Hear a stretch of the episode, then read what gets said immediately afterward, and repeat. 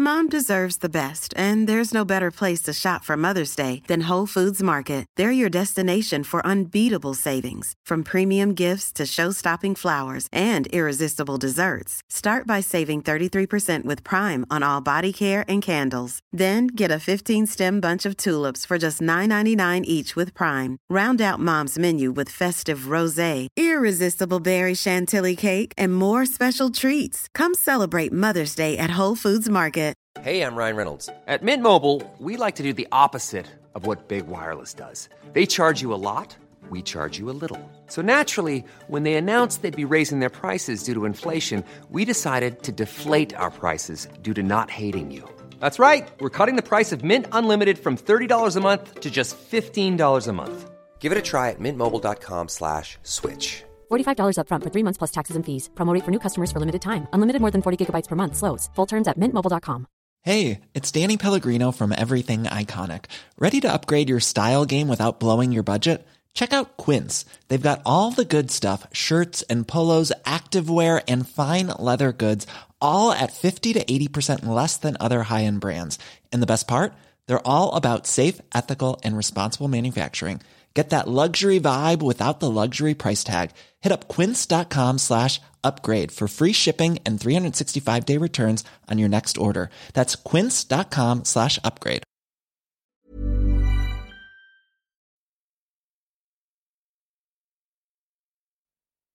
Er du klar for pod, Øystein? Veldig klar for pod, ukas høydepunkt. Og en prat med deg, vet du, Jon Roar. Ja, nå må vi konsentrere oss, så vi ikke drifter av gårde på alle mulige emner. Men det er jo det som er hele poenget med Scootspoden. Bilprat. Wherever it takes us. ja, det er som podverdens svar på diagonaldekk. Nei, kom i gang. Kjør på. Ja, vi kjører pod.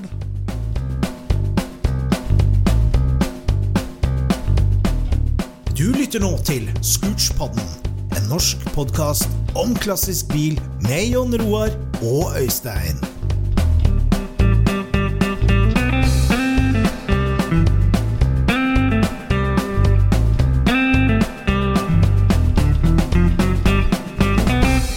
Ladies and gentlemen, velkommen til en ny episode av Scootspodden, din absolutte favorittbilpod. Og nå er det januar, og det er garasjetid, og det er ordentlig hyggetid for bilentusiaster.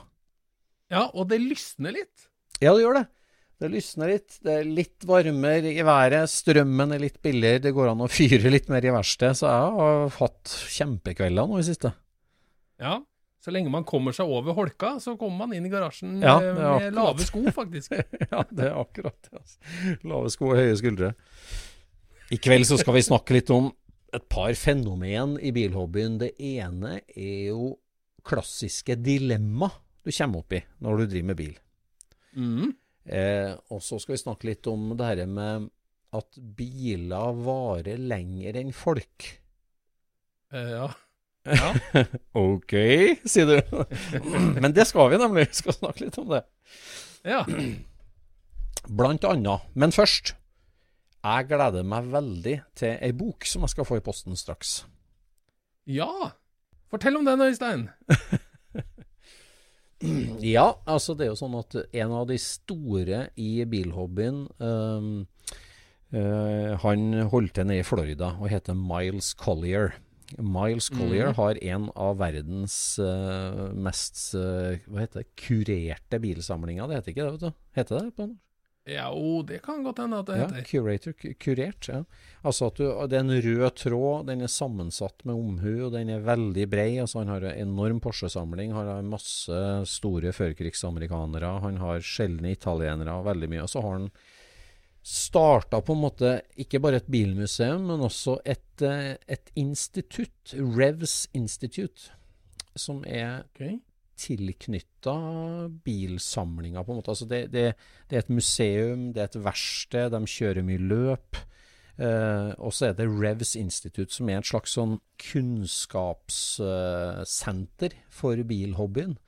Eh, enorm litteratursamling. Og, og liksom har gradvis eh, Altså blir stadig sitert oftere av eh, kan si, blad eller nettsted hvis de skal søke opp fakta om en bilmodell eller faktating, så, så har de liksom Aha. Revs Institute som eh, kilde, da. Ok. Og han Miles Collier, han eh, Jeg vet ikke hva han tjente pengene sine på, men han måtte ha tjent mye penger, i hvert fall. Collier er jo en gammel mann nå, men han er fortsatt veldig aktiv. Og han har lagd nå ei bok som har blitt uh, Han har gitt ut en bøker før om forskjellig Altså Revs Institute har gitt ut mange bøker, men nå har han kommet med ei egen bok som heter The Archaeological Automobile. Um, som er altså ei bok om uh, liksom altså, bilsamling som, som, vitenskap, som fenomen. Hvordan får du tak i biler? Hvordan, hvordan, tenker du sammenheng mellom biler? Og så er det også det her med historieforskning, liksom. Hvor viktig er det? Ja. Hvordan går du i dybden på det? Og så ikke minst mm. det med restaurering og bruk. Altså det med preservere kontra restaurere. Um, ja. liksom, viktigheten av å bevare originalitet der du kan. Eh, mekanisk shining der du må håndverk. Ja. Så det, det liksom, jeg ser, Nå har de akkurat begynt å sende dem ut. altså De første som har fått dem nå, er jo medlemmer av en par sånne nerdegrupper på billitteratur. Og der får han veldig skryt, altså, den boka. Og ja.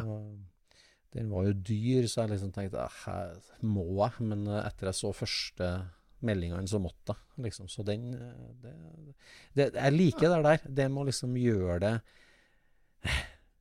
ta det til et nivå liksom der at du skal, du skal, Det er all in. Du skal gjøre det. Liksom, det, vitenskapen, ja. bilentusiasme, er jo kul. Ja, ja, ja. Det kan jeg jo like veldig godt, da. At det er noen som liksom legger eh, Som mener å finne en rød tråd, og som bare kjører på den. Ja, ja. For å få forklart eh, temaet. Ja, for det, liksom, det, er jo noe med det der at eh, kan vi si, Altså, Arkeologi er jo et fag du kan utdanne deg til arkeolog i, i alle mm. land, mm. på alle universitet. på en måte. Det, det, det er masse mm. faglitteratur, det gjøres forskning på det, nye metoder. nye. Altså, mm. Det vi driver med, det er jo nærtidsarkeologi. Uh, altså ikke, ikke, å grave ut ting fra marka, men å, å, forske på ting, forstå historiske sammenhenger, trekke konklusjoner, teknisk, mm. hvordan bevarer du, hvordan håndterer du ting. Så jeg syns det er så viktig. Jeg syns det er så, det er så på, liksom på, høy tid, på en måte, at man begynner å ta bil og ordentlig alvorlig. ja, men det er jo en ehm, Jeg ville jo sagt at det var en utfordring der, da, som, eh, som minner meg om noe jeg hørte i, i går. Ja. Det var en av disse um, breva til uh, Martin, uh, Martin Luther King jr. Ja. Nei, han sier det at jeg håper ikke at leseren eh, har lyst til å gjøre det så enkelt for seg at man bare ser på det faktiske forholdet når man studerer et samfunn, ja, altså, men at du ser for de bakenforliggende årsakene. Ja. Og det er jo noe med, med, en bilsamling, at det er jo ikke bare hvilke biler som står der, og hvilke årsmodeller og hva, hvordan de er utstyrt, men hvorfor har samleren samla akkurat de bilene? Nettopp. Nettopp. Det er veldig viktig, og det, og det bare det å forstå der, er det på en måte en er det en liksom, designer som er den røde tråden, eller er det en mekanisk altså det, Alle de her har MacPherson, Europeng, eller ja. alle liksom det, Den røde tråden der, og det er det som gjør det veldig interessant, liksom. Når, det, når du skjønner den der røde tråden og tanken og bak det. Og så må vi liksom ja. passe på at vi skal ikke snakke om sånn Vi snakker ikke om bilsamling, liksom, for liksom at du skal ha mange biler for å gjøre det. For det her gjelder òg har du én en eneste bil, altså er det den Amazon som gleder deg, på en måte, så er det jo Hva er det som gleder deg? Som vi snakka med en Arne i forrige episode. Hvorfor ja. er Amazon så stas, liksom? Eh, ja. det, det, det, liksom, de tankene der, hva er, hvilke dimensjoner med bilen er spesielle, å ta fram dem, og hvorfor, hvilke følelser hos deg er det som er viktig? Det, ja, det er de sammenhengene der som er så viktig å forstå.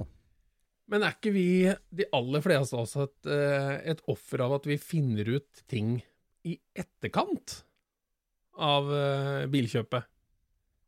Altså, selvfølgelig, hvis, du, hvis du har hatt mange hobbybiler før, uh, så gjør du kanskje en veloverveid innkjøp av din fjerde hobbybil, for å si det sånn. Ja. Men de første hobbybilene kjøper du jo fordi at ja, bestefaren min hadde en sånn, eller naboen hadde en sånn, jeg syns den er tøff, eller ja, ja. Altså, alle de tinga der. Men det er når du begynner å grave. Ja. Det er da ja, du finner ut at Vet du hva, jeg, jeg liker langsgående bladfjærer, jeg. ja. ja. Ja, det er jo sånn. Det, ja, det er ofte, ofte du, du, modnes jo veldig, selvfølgelig, men, men også den tanken om liksom første bil. Jeg tenker på Roar Olsen, da, vår venn med 959, som liksom arva gutterommet til storebroren, og sølvfarga 911 Turbo, det var veien til lykke, liksom. Det, ja, ja. Og da, da, er det jo på en måte det der at det er jo ikke liksom sølvfarga Nielo Turbo som er liksom det spennende med det. Det er jo liksom der at han han var lillebror, han tar over storebrorrommet. og liksom, hva skal jeg si, Det ultimate suksessen, eller det alteret, bildet, forbildet han ja. så på hver dag, liksom. liksom. Får jeg tak i en sånn, da kan jeg liksom Det er liksom binært. Da har jeg oppnådd noe stort i livet. Da har jeg oppnådd ja, suksess, du... liksom. Det er jo ja. Han arva jo ambisjoner, han. Ja, han gjorde det. Bytta soverom. Ja, Du kan jo tenke deg sånn for en lillebror da, å ta over ambisjonene til storebror og være den som oppnår dem. Det er jo en, en utrolig sånn personlig victory. Ja, ja. Eller selvrealisering. Jeg husker, jeg husker en historie fra, fra Bilsport. Det var en, en sånn XJS. Det er en sånn uh, todørers tolvsylindra bil som, uh, hvor det var en sønn som hadde begynt å bygge et monster av en sånn bil. Ja. Med bredda bakskjermer og forskjermer og, og Testerosa-skup og alt mulig på den der Jaguaren. Ja. Og så gikk han bort, han sønnen. Han døde. Og da tok faren over og bygde ferdig denne bilen. Ja. Så da ved sida av den bilen så står det jo da en aldrende mann med, med et monster av en bil, som han på en måte Ja, den har han bygd for sønn, for det var det sønnen ville ha, liksom. Det syns jeg var sånn ah. Det, så ja. han uh, arva ambisjonene, han også. Ja, han arva feil Ja, ærlig. Ærlig. Nei da, så vi får bokanmelde Ar The Archaeological Automobile når den kommer og blir fordøyd. Ja. Og bare ta på meg lesebrillene uh, når jeg skal lese bok tida. Så blir det bokbad en gang i framtiden her. Ja, det blir det, vet du. det blir det. det, blir det. Ja, er det noe annet som skjer eh, på dine kanter for tida? Ja, nå er det jo full fart på, på prosjektbilen. da, Vaske den ned og, og, få den av gårde. For nå er eh, timen booka på, på ja. lakkering, så da, da ja. skjer det. Herlig. Ja, det blir artig. En, uh, bare ett år siden forrige gang. Uh, ja, mer enn det, vel. Nei, to år kanskje. Ja. ja. ja akkurat. Ja, ja. Nei, men det er en bra frekvens på lakkerbiler. Ja. Mm. ja. ja. ja. Ja. Og hos deg? Jo da, eh, jeg skulle bruke et eksempel fra virkeligheten på å snakke om eh, bilhobbyen et av, et av bilhobbyens dilemma. For ja. eh, nå har jeg nå har jeg eh, snakka til det kjedsommelige om traktor, da. Eh, om, om Porsche-traktor. Og det skal ikke jeg snakke om, egentlig. Men jeg skal bruke det der, for at når du, det er jo ofte sånn eh, Øystein Sunde synger jo om det, at eh, du har gravemaskin og kjøper deg en til, og så er alt ødelagt på den. Og ja, det som er ødelagt på den ja, første, ja, ja. også ødelagt på denne, så du har gravemaskin i hagen. Mm. Og sånn er det veldig ofte i bilverdenen òg, når du ja, får dilla på en bil og får tak i en bil, og når du da begynner å restaurere Amazon og halvveis på den, så plutselig får du tips om at ja, men hun gamle Olga borti veien, hun har jo en Amazon i garasjen, og så dang, så står du der overfor en low mileage, superfin original Amazon.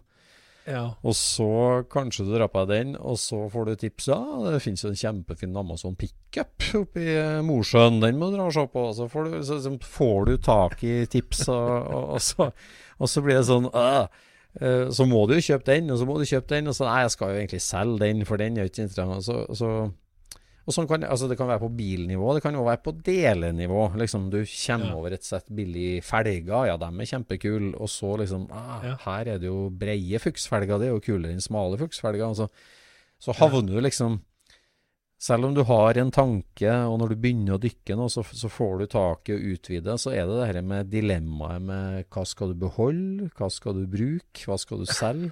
Når du liksom lager, Når du får for mange valg, da, i matrisa di. Ja.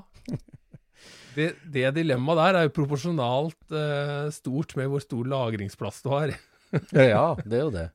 Jo, har du altså veldig altså, mye plass, så skyver du en stund på det dilemmaet ja, men det har jo veldig mye med økonomi å gjøre, da, ikke sant. Det, det, det, det klart, du ja, kan, ja. Ikke, kan, Ikke, beholde alt. Og det Eh, og, og, så er det liksom helt ned på mikronivå og makronivå. Der altså bare sånn Skal jeg, skal jeg eh, glassblås og, og eloksere originalskruene, eller skal jeg bare bytte skruer? Eh, liksom, ja. det, det, blir, det, blir en sånn dilemma da hele tida. Skal, skal, jeg ta vare på originalinteriøret, eller kjøpe helt nytt? Nei, nå har lakken blitt så fin at selv om jeg bestemte meg for å beholde originalinteriøret, så må jeg jo ja. trekke om nå, liksom. Så du kommer sånne ja. dilemmaer hele tida.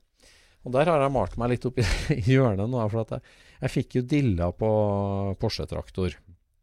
Ja. Og så kom det bare 20 sånne til Norge, så at uh, det er jo ikke lett å få tak i. Jeg, hadde jo ikke, jeg har jo bare sett etter med et halvt øye etter sånne. Plutselig da så ramla jeg opp igjen og fikk tak i en. Uh, og så ramla jeg opp en til, og så ramla jeg opp i en T. Så nå plutselig har jeg tre eh, Porsche-traktorer. Og, og, og, det er jo kjempestas i forhold til at den er kjempesjelden og sånn. Men så tenker jeg liksom, jeg skal jo ikke ha tre traktorer. Jeg er jo ikke interessert i traktor, egentlig. Jeg er jo, jeg er jo interessert i bil, og, eller jeg er interessert i Porsches ingeniørkunst. Det er jeg interessert i. Ja. Og derfor er Porschen helt ideell. Og jeg tenker liksom det er jo kult å ha én sånn traktor stående. Og det her er jo Ja. Og så plutselig ender jeg opp med Ok, den første jeg kjøpte den er i kjempedårlig stand, men mm. den er veldig sånn spartansk og spesielt utstyrt. Det, I forhold til ja. alle de andre 20, så er den her ja. en sånn virkelig sånn, liksom standardmodell. Da. Den er levert uten noe ekstrautstyr. Helt det enkleste. Veldig uvanlig utstyrspakke på den den første. I mangel av utstyrspakke, mener du? ja, i mangel av utstyrspakke. Ja, det, altså, de har ikke hydraulikk bak, f.eks. Liksom. Alle bestilte jo med hydraulikk. Hydraulikk delete heter det på Porsche-språk. hydraulikk delete heter det på Porsche. ja, den her har hydraulikk delete, eh, har den. Eh, og, og, liksom litt enklere på forskjellige ting og sånn, og, og har blitt veldig hyggelig i stand nå, etter å ha knadd litt på den. Så, så, så, den har en spesiell utstyrspakke. Men er ikke den mest et stilleben? Jo, den er et stilleben, den. Eh, ja. Litt et hyggelig stilleben. Og så ja. var jeg jo oppe i Trysilskogen eh, og henta en som var helt demontert. Ja. Eh, den var jo helt demontert og spredd utover et, en ødegård, eller en fraflytta bruk oppe i skogen, som jeg snakka om før. Helt demontert. Men vi holdt jo på der en hel dag, da, jeg og våre gode venner Rune og Gunnar. Holdt på og leita, og vi, og vi, fant jo alt. Altså, jeg har lagt alt utover garasjegulvet. Jeg har funnet absolutt alt den traktoren, så den er helt komplett. Ja. Eh, den kan jo bli et fint stilleben, men den har jo kjempelavt chassisnummer. Den er jo, det er jo en av de aller eldste av de 20. så, så, liksom av alle de 20, så er det en av de absolutt første og absolutt eldste. Så derfor er jo den kjempespesiell. Så den ja. Og så snubler det Så blir det helt tilfeldig der òg, så dukker det opp enda en borti Voss. Eh. Som er dratt rett ut av en låve i Sognefjorden. Og er kjempefin originalstand. Den er liksom Aha. Den har originallakt, den har originale dekk. Den, er, den har low mileage, det må den være. Den er superhyggelig, liksom. Ja. Eh, og da måtte jeg jo kjøpe den, følte jeg. Og, og nå står jeg med alle de tre. Da, tenk, og, og, for hver, to, hver neste traktor så jeg tenkte liksom jeg skal jo bare ha én traktor, så jeg selger jo den første. Og jeg selger jo den andre. Ja, ja, ja. Men nå er jeg plutselig sånn nå har du hydraulikk delete, og så har du kjempelavt chassisnummer, og så har du superhyggelig originalstand. ja, og så har du jo også en sånn moderne en, eh, tosylinder, har du ikke det da? Jo, jeg har en 52 òg, det har jeg. Ja, men den regnes på en måte ikke helt. nei, så du har jo, ikke jo, fire, den, nei du? Jo, den passer inn fordi det er den eneste kjørbare. ja, sånn er det, vet du. Ja. Ja, så den er ikke kjørbar, den fra låven heller? Ikke ennå, i hvert fall. Den har stått i 50 år på låven. Så men der er jo et sånt klassisk dilemma. Da. Du har begynt å restaurere på én bil, og så dukker det opp en annen, og så er den sånn, og den sånn, sånn. Og det, hvordan, du kan jo ikke si hvilket barn du elsker mest, liksom. Det er jo sånn når det er flerbarnsfar. Kanskje du skulle laga et sånt eh, diorama hvor at det er sånn eh, Du vet, på fabrikken så har du jo samlebåndsproduksjon når de bygger de opp, ikke sant? Ja, ja. Kanskje du skulle hatt en sånn restaureringssamlebånd? Hvor at de, de, var i forskjellige eh, stadier bortover. ja, kunne jo det. Ja, kunne jo faktisk ha én liggende som ei sprengskisse, på en måte. Og Ja, så Ja, en veldig Chassisnummer. Han står jo først i køen, ikke sant? Ja, ja, det. Og så kommer hydraulikk delete, og så Ja, men I tilstand så er hydraulikk delete er den, den mest råtna av dem. Så det, det må, hvis vi skal være sånn lavt chassisnummer, eh, sprengskisse helt demontert under bygging, og så en kjempefin original, og så en opprusta sliten en som har hatt ei eik over Ja. seg i 50 år. Ja. Nei, men jeg, jeg kan Ja. jo ikke, jeg, kan jo ikke jeg, jeg jo ikke ha plass til tre traktorer. Det, det, det går ikke an. det, Vet du. Så jeg, jeg, det der er så vanskelig, altså. Det, jeg vet ikke helt hva jeg skal gjøre. Men Du har en ganske god prosent av de 20 nå, da, vil jeg si.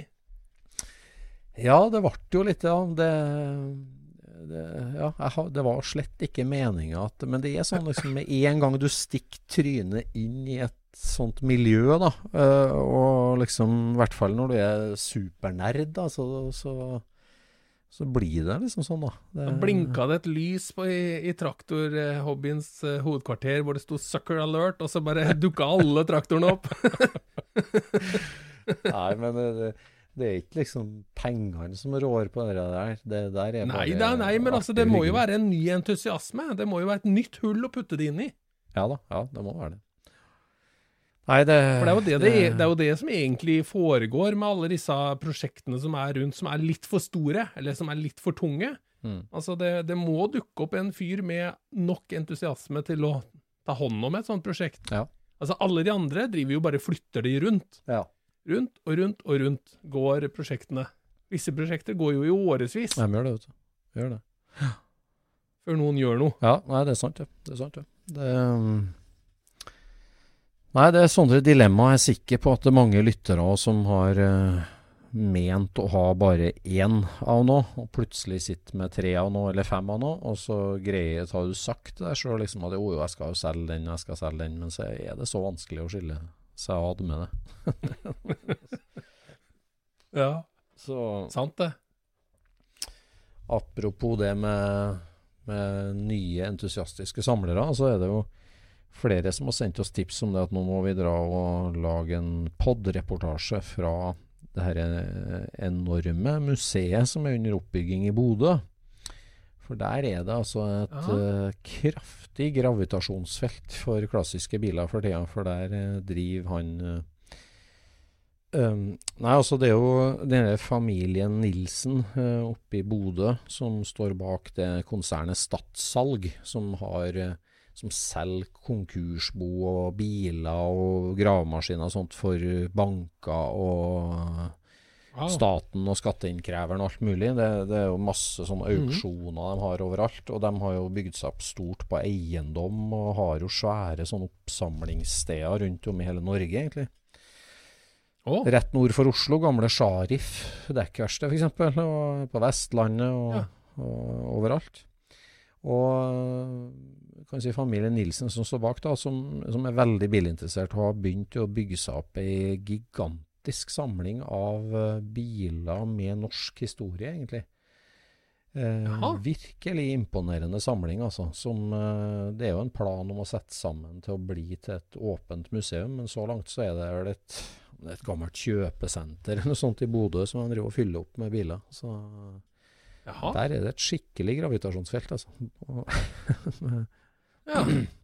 Men det virker jo som de har en klar idé òg, hvis de skal være med norsk historie. Det, er Ja, ikke, det virker sånn. Det er så vanlig. Nei, det er ikke så vanlig. Og, veldig bredt, liksom helt tilbake til 20-tallsbiler og opp til i dag, nærmest. Og ja, virkelig. Altså, de omsetter jo flere tusen biler i året på salgsvirksomheten sin. da.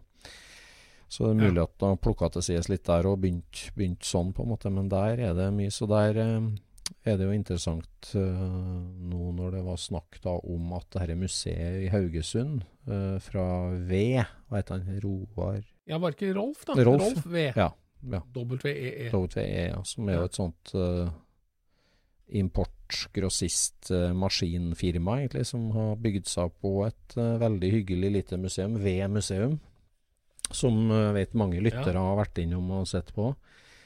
Han døde jo i fjor, eh, han Rolf sjøl, og det er to døtre igjen som nå skal til å selge hele samlinga. Der er det rykter da om at oh. hele samlinga går under ett, kan du si. Og det er jo spennende, da. Så da begynner det virkelig å bli en konkurrent til Kjøretøymuseet på Lillehammer. Så, sånn. Ja. Stemmer. så, Mm. så det er eh, det, det skjer litt. Og det der jeg følger jo med på mye auksjoner i USA og sånt. Og det der når, når hele bilsamlinga legges ut sånn, altså det selges på rot, rødt og røte i alt sammen, liksom, det, det er spesielt å se de auksjonskatalogene, må jeg si. Altså. Når, eh, Ja. når arvinger tar over. Men eh, kan jo nesten ikke være så gøy å kjøpe det sånn heller, tenker jeg. Fordi at du eh, Det blir vel en sånn sensory overload når du får absolutt alt på en gang. Jeg tenker på å kjøpe hel samling. Ja. Ja, ja. ja det Altså, vi som hører eh, litt på eh, Spikes Car Radio, hører jo hvordan eh, Jerry Seinfeld har det med, med sine dokumenter. Han har jo en eller annen tysker som går rundt i Tyskland og kjøper dokumenter og alt som han tror at Jerry Seinfeld syns er spennende. Ja. Arne? Ja. Hvor at bare, det kommer bare eske på eske på eske med, med ting og tang, og så sitter, tar han en bok en gang iblant og blar gjennom. sitter jo på så mye gull, men veit ikke, for han har ikke tid til å kikke på alt. Nei. Tenk deg hvordan du tar over en sånn enorm samling, liksom. Hva vet du om hver bil, og Ja. ja, hvor mye klarer du å sette deg inn i ting, liksom? Ja. Ja, det er sant. Og så er det der med den, den røde tråden òg, som er jo den samlingens uh, arkitekt som har hatt uh, Ja. når det sa- satte sammen. Arkitekten er en veldig viktig del oppi dette her. Veldig. Og greier du å liksom ta vare på den røde tråden, eller blir det bare Ja, blir det bare en bil, liksom? Uh, Ja. Men vi har jo vært på eh, Prototypmuseet i Hamburg et antall ganger, og dit burde jo bare alle prøve å komme seg, for det er et veldig artig, artig museum som har røde tråder, og som har lært opp de som går rundt og prater om bilene, til å fortelle den virkelige røde tråden, mm. det som står der. Ja, absolutt. Ja, For mange museumer i Tyskland er jo bare basert på at alle bilene kommer fra ett merke. Det er klart, det er jo, det er jo den røde tråden i mange museumer. Ja. I hvert fall fabrikksmuseene. Men eh, der, ja, der har jo prototypen helt egen ja, Snakk om kurator eller kurering av samlinga, på en måte, men dette med ja, strømlinje, prototype, lavserie, sportsligheten. En sånn utrolig hyggelig rød tråd, liksom, som gjør at eh, Ja. som gjør at det er like naturlig med et crazy hjemmebygge som en multimillioners Porsche, eller som en veldig rar, hyggelig Hanomag trekkvogn, hvis det er sånn. Så det, det ja, eller en NSU med eh, hastighetsrekordbil, eller altså det er Ja. alt mulig. Ja, det er det. Men en helt soleklar retning og tanke, liksom. Det, det er veldig Ja, men det er det jeg mener, at han som går rundt og presenterer, han som er guiden din, Mm. Så lenge han kan den røde tråden til han som er samla, Mm. så, så får du det med deg Ja. som, eh, Absolutt. som besøkende. Ja, og du, du, du, ja, du setter jo mye mer pris på hvert objekt, og du setter mye mer pris på, på, på helheten, på sammenstillingen av alle objektene, hvordan det henger sammen. Liksom. Det at du kan se Mm. Kampen mellom fabrikksracerne og hjemmebygget, f.eks., som sto på samme startstreiken, med samme håpet, men med helt andre ressurser. Liksom, at det, det, ja, det er liksom sammenheng. Ja, det, den røde tråden, det er kjempeviktig. Og så kan du se teknologien gå framover år for år på alle biler som står. ja, absolutt. absolutt. Åh, jeg husker jeg og vår gode venn Leif Arne, vi var på det private museet til Don Garlitz um, i Ocala i Florida.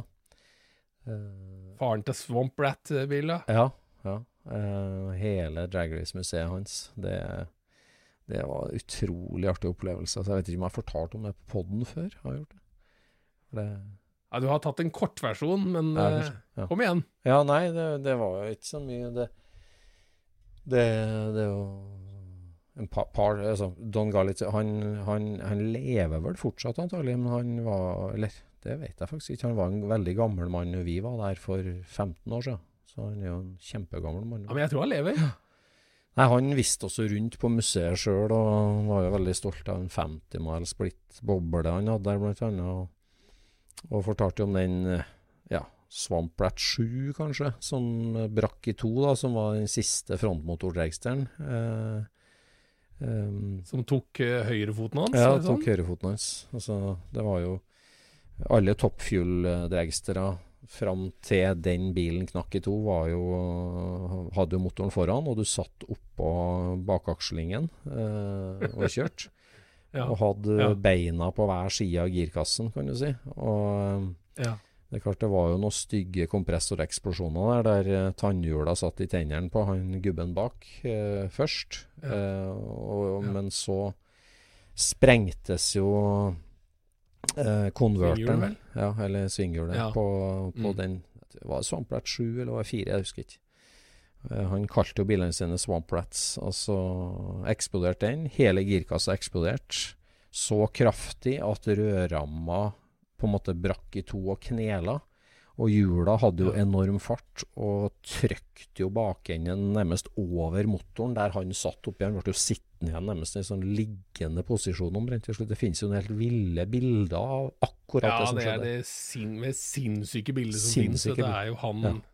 Det er jo han høyt oppe i lufta sammen med bakenden av bilen med motoren i fanget. Ja, det er helt crazy. Og at han uh, live to tell the story, kan si. Han mista jo fotbladet på høyre side, så han lagde seg jo en mm. sånn plankebitprotese sjøl for å kunne gasse på neste bil. og, ja. men det er klart, det ble jo da at så Swamp Rat 8, da, hvis vi har tallene rett, den ble jo verdens første toppfueler med motoren bak. At føreren satt ja. foran motoren. Ja. Og det er klart det føles jo litt brutalt med sånn Hva skal jeg si det blir, Jeg kan jo tenke meg det at når du var vant til å sitte sånn, eh, så blir det som å sette deg i en folkevognbuss, på en måte. Du føler at du har alt bak deg, og du er liksom fremst. Da, du har eh, 500 kilo vill støpejern bak deg som dytter deg framover. Men eh, ja. Men i forhold til eksplosjonsfare og sånn, så var det ikke tvil om at det var lurt å ligge foran det som kunne gå galt. så, det er sant, det. Så den, Siste jeg så fra han, da drev han og bygde elektrisk dragster. Ja, stemmer. Det gjorde han. Det gjorde han, ja.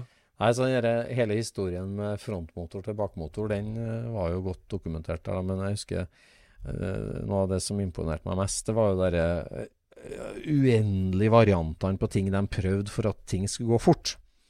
Eh, med ja. liksom eh, Med kompressorer i forskjellige typer og turbovarianter som de begynte å eksperimentere litt med. Så var det her å få, få trykkluft i motoren uten å ta motoreffekt. Når en da ja, ja. ja. Svær Aga-flaske inni rødramma foran føreren. så du, du, du sitter i dragsteren, og foran deg så har du to meter av støpejerns Aga-flaske eh, mellom deg og krasjveggen, skal vi si. Med da komprimert ja. luft som mata på i de 400 meterne og var tom når du kom over mål. Alt skal prøves. Alt skal prøves. Ja, så kult. Vet du. Så, ja. Ja, der er det jo ja, der er det museet. Man snakker om en rød tråd, så er det klart at der er det et monument over en manns nærmest karriere og liv. Da. Slåss, slåss mot klokka. Slåss mot klokka, ja. rett og slett. Ja. Men apropos rød tråd.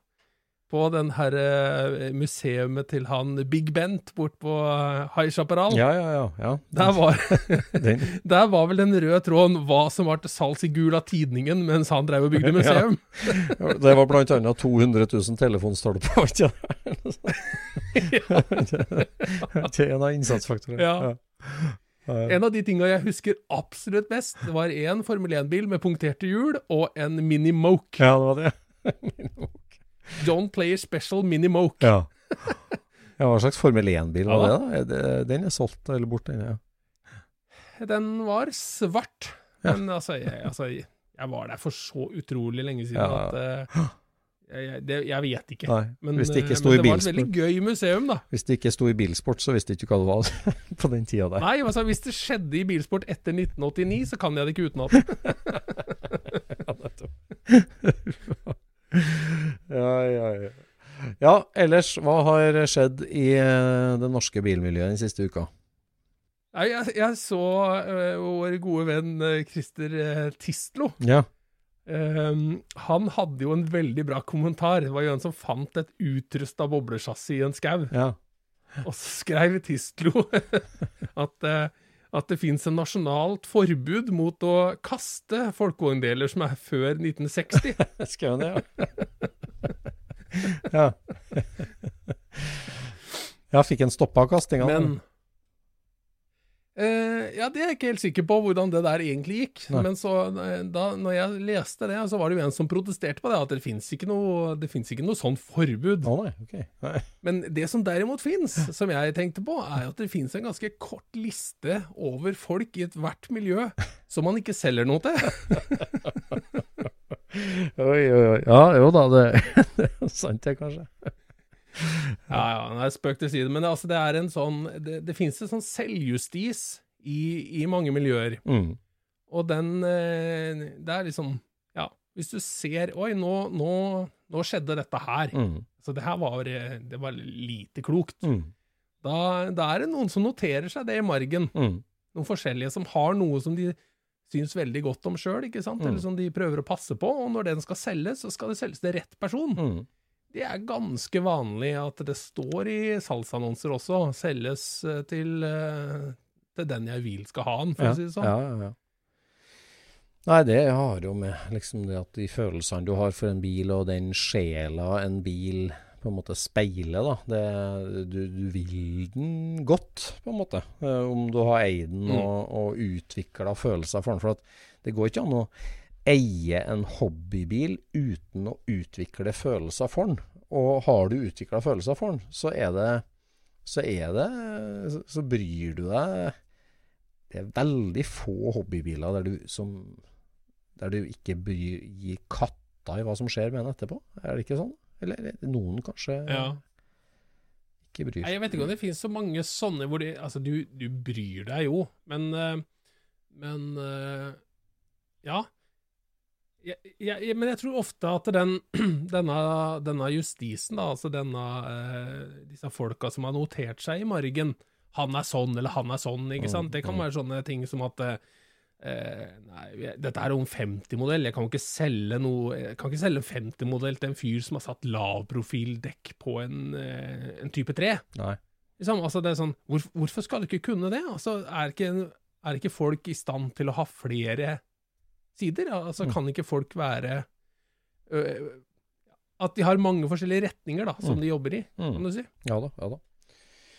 Nei, det, det, det, er sant. Det er en selvjustis der. Og det er klart, med, med sosiale medier, når veldig mye er mye mer open book enn før, da, så er, liksom, er, er det en fyr som starter sin femte prosjekttråd på et prosjekt han kjøper, river det i fillebiter og selger det.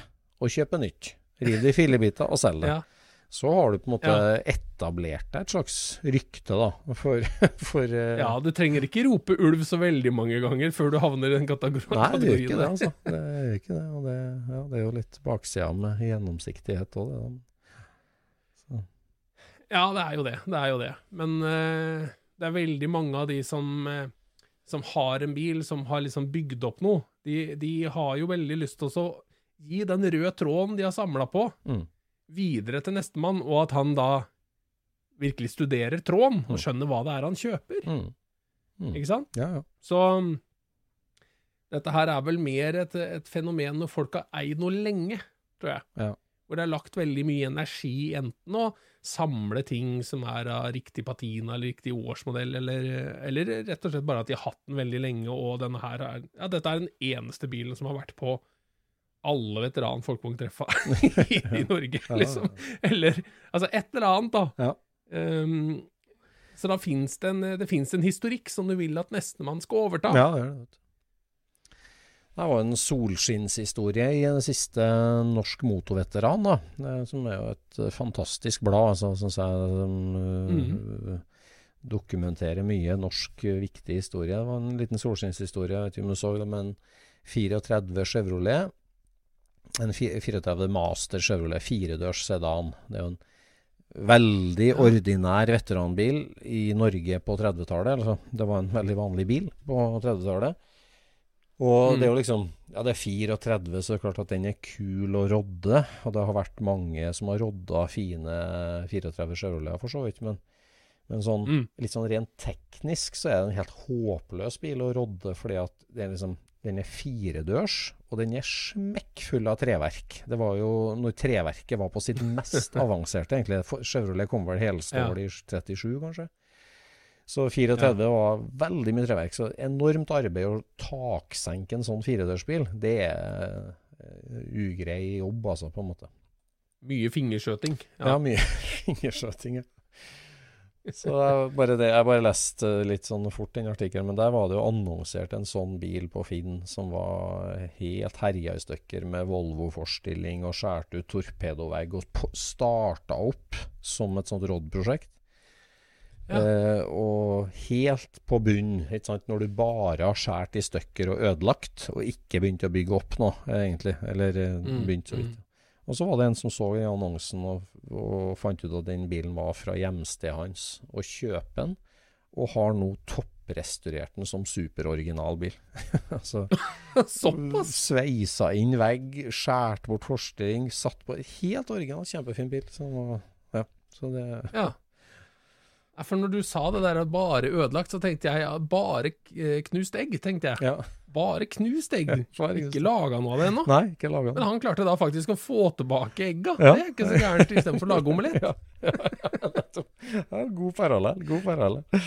Han ja. valgte ikke å steke den var, omelett. Den var, u, u, var uventa, for å si det sånn. Ja da. Noe annet som var uventa, var jo den eh, grønne bilen i Statene. Ja, det er jo helgas, eller ukas store snakkis i det internasjonale bilmiljøet. Ja. The Hirohata Merc. The Hirohata Merc. Eh, en av verdens mest kjente custom-biler som eh, gikk over auksjonsgulvet hos Mecum Auctions i Arizona. Ja. Det er Altså, den den er jo helt uh, spesiell, den bilen der sånn. Den er jo en av de absolutt første, liksom. Ja. Den er en av de absolutt første. Den har en helt utrolig historie, den bilen, og en utrolig Altså, det, ja. Snakk om å definere liksom en, en helt ny grein av bilhobbyen, nesten. Altså. Den var jo én av en liten håndfull, da, men den var kjempetidlig ut. Og, og, og, definerte veldig mye av det som ble hele custom-kulturen på amerikansk bil. basert på amerikansk bil. Ja. George Barris han taksenka vel sin 49 Mercury. Mm. Og så kom han Hirohata sjøl. Mm. Bob. Bob Hirohata, ja. Han ville jo ha en sånn bil, og leverte den til Barris for å få den taksenka, men han hadde en 51. Men det er jo bare detaljer som skiller de bilene. Ja. Um, og da lagde jo han um, Barris Gjorde jo den opp til, til hardtop. Ja. Mm. Så den må jo være verdens første hardtop-merkeri. Ja, jeg tror liksom det man ser der, at altså Sam Barris, da, som kjøpte seg en splitter ny 49-merk, som han kjørte rett inn i verkstedet sitt og customiserte til seg sjøl, la mm. jo liksom lista på at en sånn merkeri kan bli dritkul. Og så, ja. når Hiroha, Hirohata kommer som kunde, da. Og egentlig så det, det, Sånn som jeg leser historien, så han, han sa jo på en måte ja takk til alt som Sam Barris foreslår, tror jeg. Ja, ja, ja. liksom, Barris har måte sett noen linjer og triks og sånn, og her har du en kunde som sier ja ja, kjøp på, kjøp på, kjøp på. så det er liksom det er all in. All in. Ja.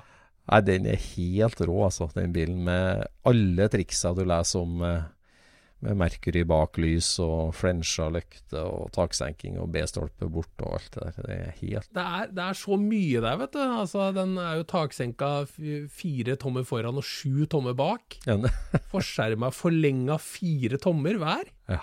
ja. Altså rundt løkta. Ja.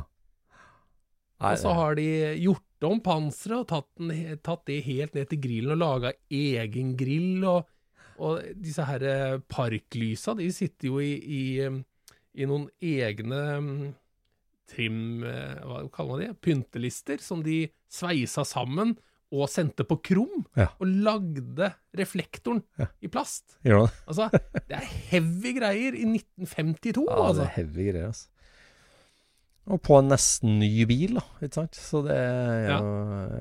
Det er helt Det er utrolig Utrolig kul bil, altså. Det må jeg si. Men de har jo virkelig fått den bilen til å liksom flowe og være eh, Den er jo pen. Ja.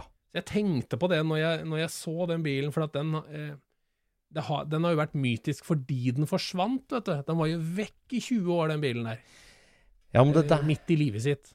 Ja, men det der er sånn uh, Vekk i hermetegn, vil jeg si da. At, ja, vekk i hermetegn. ja. Det, det, jeg, altså det, det, er noe som bare skjer i statene. Ja, det er det. hvor, de ikke har noe, hvor de ikke har noe ordentlig samla system på, på, vognkort og skilt. Ja. Da, da, kan biler bare forsvinne. Ja, de gjør det. Det er sant. Det er, sant, ja. det er, det er liksom en fyr som har den, ja. og han har jo selvfølgelig papirene på den. Ja, men, men, det er helt umulig for andre å få finne ut hvem som har den. ja, men altså jeg er enig i det, men uh, altså, akkurat den bilen her er jo liksom litt rart, for at uh, altså, dem, nå, nå er, snakker vi om den for at den ble solgt i helga, og dem som solgte den, det var jo familien McNeil. Og det er jo familien mm. til han som kjøpte den i 1959, altså når bilen bare var seks-sju år gammel. Ja. Så var han utslitt, nedslitt, havna på, hos en random bruktbilforhandler i California. Og uh, unggutten ja. som var, var, 16 år gammel, han Jim McNeil, når han da bare ramla inn der og kjøpte ja. bilen for 500 dollar. Da var han jo bare en Ja, da var han vel som en sånn trist glassfiber-Amazon i 1990 eh, i Norge. Liksom sånn, altså en sånn gammel, sliten custom-bil som eh, ingen ville ha. Ja, men altså, 59, bilen var jo ny i 52, ja, så det er jo ikke akkurat så gammel bil. Nei, det er jo ikke det. Jeg tror bare samfunnet gikk veldig fort på den tida der. Ja, ja. ja det er sant. Ja, altså Da gikk jo utviklinga veldig fort. Det er klart at det, der var jo en sånn 849 karosseri, egentlig, og bilene så jo veldig annerledes ja. ut i 59. Men tenk på han Jim ja, McNeil da, som kjøper den, fikser den opp, bruker den ganske langt utover 60-tallet, og så bare setter den i garasjen sin. Og det var liksom at bilen forsvant. Så jeg bare ser eh, altså Hvis du går inn på Custom Rama, da, vår gode venn Kvipts side, så står det jo om der at på 80-tallet så begynte buzzet liksom Hvor ble det av en, hvor ble det av en? Helt til en da bare ringer Jim McNeil. Du, har du bilen? Ja, ja, den står i garasjen her. Så bare OK. Så sto den der, da. Så i 1988 så blir den liksom oppdaga. Eh, fordi at uh, ja. de, de, dro hjem til han som eide den, på en måte. Så, ja. så. Og da, da restaurerte de den jo på nytt. Ja. Og, og, det var jo Den ble jo lakkert av uh, han eh, Junior Conway. Samme som lakka BMW-en til uh, Catbob. Å, gjorde de? det? gjorde de? Ja. ja okay. Akkurat. Ja, nei, det Litt artig. Nei, Den ble jo restaurert da og har vært rundt Den har jo til og med vært i Sverige, tror jeg. Den var på Elmia et år. Ja. ja. Og um, nei, jeg tenker på det som er som er vel, altså nå, nå, er han Jim McNeil død, og etter et par års tenking så har enka og ungene bestemt seg for å selge den. Mm.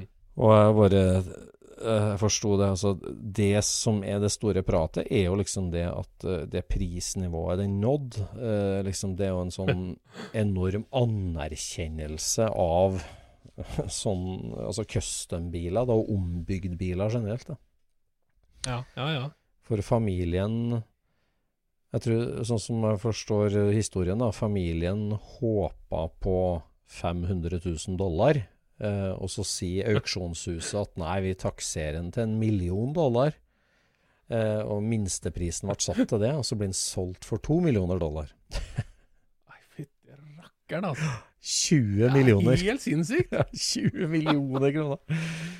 Så liksom det at, ja. det at en sånn Kall det hjemmebygd amerikansk eh, bil, da, som det finnes eh, ja, altså Bare én av den her, men selve bilmodellen er jo veldig vanlig. At den nå koster det samme ja. som veldig raffinerte Ferrarier eller Aston Martiner eller eh, andre ja. skikkelig eksotiske biler. Det men den, den, den, Ja, men den har vel mye av skylden for, for alle Mercury Customs, på en måte. Selv om den ikke var først, da, så er den jo liksom Ja, ja. Jeg, jeg, jeg, tenkte på dette her når, når, denne nyheten kom ut, om denne her at han gikk så dyrt. At det, det der var på den tidspunktet i historien hvor, hvor, alt var upløyd mark, og du kunne fortsatt lage en rå custom-bil bare ved å gjøre den vakrere. Ja. Det, det, er ingenting på den bilen som er der for at den skal se veldig rar ut. Nei, nei.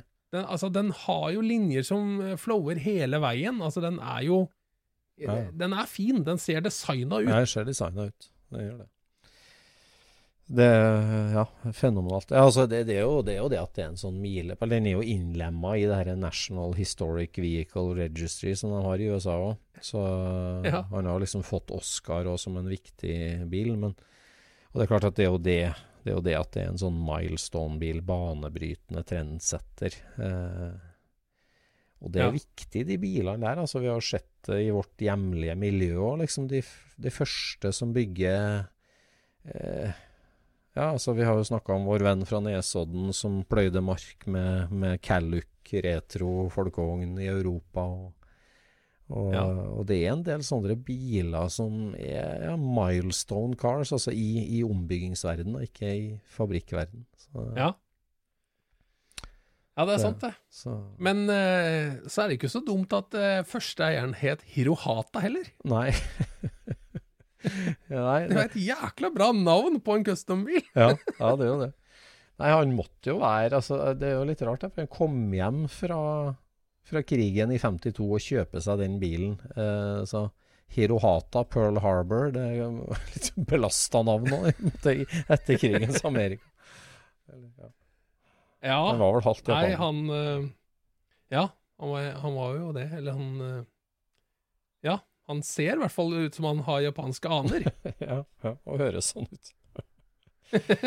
Nei, det der ja. er artig. Og det, det baner vei. Det som skjer nå, er jo det samme som skjedde med Porsche 911 for fem år siden, tenker jeg. At uh, alle mulige custom-biler blir dratt fram og skal selges opp på auksjon. Mm. For nå er det sånn wow, Her sitter jeg på gull. Så nå kommer vi til å se mye rart. Så er det én annen ting med den Hirohata-mørken som er litt spesielt også. Det er at uh, det er en custom-bil, men som har veldig kline farver. Den har ikke sånn 'kom og se på meg'-farver. Ah. Det er Seafoam Green og, og Ja, men det er ikke en sånn uh, Det er ikke en sånn voldsom effektlakk Nei, det er ikke, det er ikke, men fargevalget var vel Altså, ja, var den, den syns. Det er ingen tvil om. Jeg vil jo tenke Nei, at i 253 så var altså sånn De fleste vanlige biler og custom-biler var jo altså, mørke burgunderrød eller mørkeblå eller litt sånn. Og så Altså, ja. i 50 altså, Tenk på Chevrolet, Ford, Cadillac. da. Den derre tofarga ja. pastellshowet, det starter jo i 54-55. Så at den her ja. da kommer i 52 med to pastellfarger, tofarga pastell, var nok uh, utrolig moderne på en måte, da, uh, i 52. Ja, ja, det var det kanskje, ja. Men uh, jeg er enig, det er jo ikke noe sånn effektlakk og, og sånn, det er det ikke. Men den er ganske men den har jo, jeg syns jo det at, eh, at, linjene kommer veldig bra fram på den. Ja, det gjør det. Den har jo, eh, den har jo fine linjer. Ja. Nei, er knalltøff, altså. Den er knalltøff. Så For det er jo en opplagt parallell her til uh, den Jim Holmes-callookeren. Ja. Den originale callookeren, den første som ble bygd om. Ja, det er sant. Den første uten lister, ja. med, som var senka foran. Ja den forsvant jo, ja. i hermetegn, ikke sant? Ja, ja. Etter at han Ja, det var Greg Aronson som bygde den, og så var det Jim Holmes som hadde den etterpå, og så forsvant den. Ja. Og det er liksom sånn Det er en sånn sannhet. Ja. Den forsvant. Den er borte. Ja. ja. Helt til at noen med nok penger fikk kjøpe den. Ja. Mm. Ja, men den var, var jo hos han siste eieren som på en måte var kjent, egentlig. Altså, den var solgt til han, ja, til han, til han, og der sto den. ja. Og nå er vel den i Skottland, ikke sant? nå er den i Skottland, ja. nå er den restaurert og helt strøken igjen. Ja, ja det, er, det, er, litt samme. Det er en sånn milestone-bil. Det er the defining car, på en måte. Selv om den var ja, ikke aller først, men den var liksom Den var litt mer ekstrem, enda mer tydelig og presentert på rett måte, egentlig. Ja, Den var vel aller først med å være senka foran? Ja, det var den kanskje, ja. ja, det var kanskje, ja. Ja. ja. For før det så er det pre-cal, ja. men, men altså med stuk så er den den første. Ja, sånn. Mm. Ja. Men, eh, men, ting forsvinner i statene, altså. Det gjør det, vet du. Hermetegn. ja.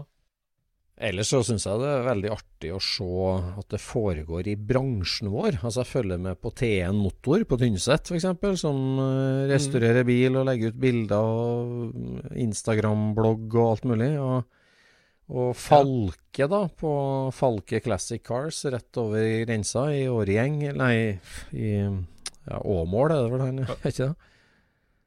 Er det Åmål? Jeg trodde det var eh, i Karlstad, men det er det kanskje ikke. Nei, det er Åmål eller borti der et sted. Så liksom Altså, det skjer liksom i bransjen. Og et, altså Hotshop med sine, sine seminarkvelder og drops og cruising og ja. alt det der. Det er så bra.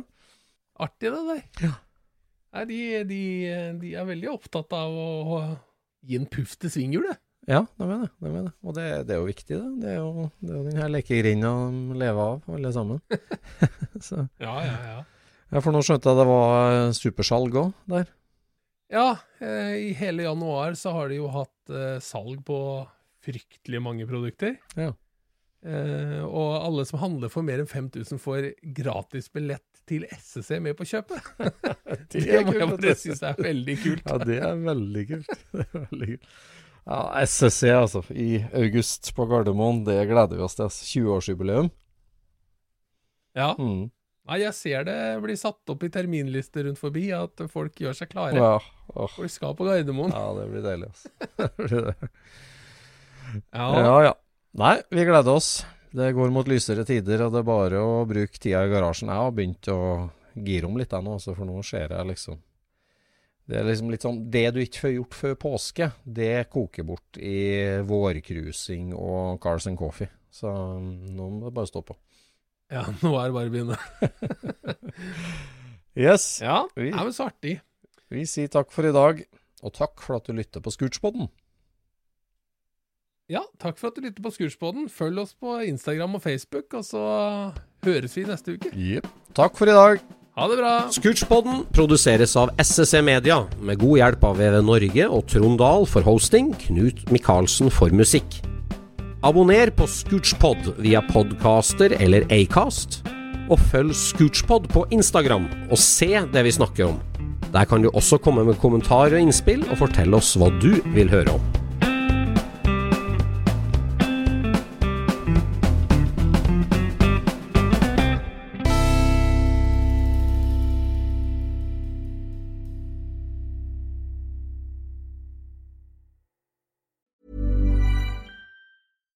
Deserves the best, and there's no better place to shop for Mother's Day than Whole Foods Market. They're your destination for unbeatable savings, from premium gifts to show-stopping flowers and irresistible desserts. Start by saving 33% with Prime on all body care and candles. Then get a 15-stem bunch of tulips for just $9.99 each with Prime. Round out Mom's menu with festive rosé, irresistible berry chantilly cake, and more special treats. Come celebrate Mother's Day at Whole Foods Market.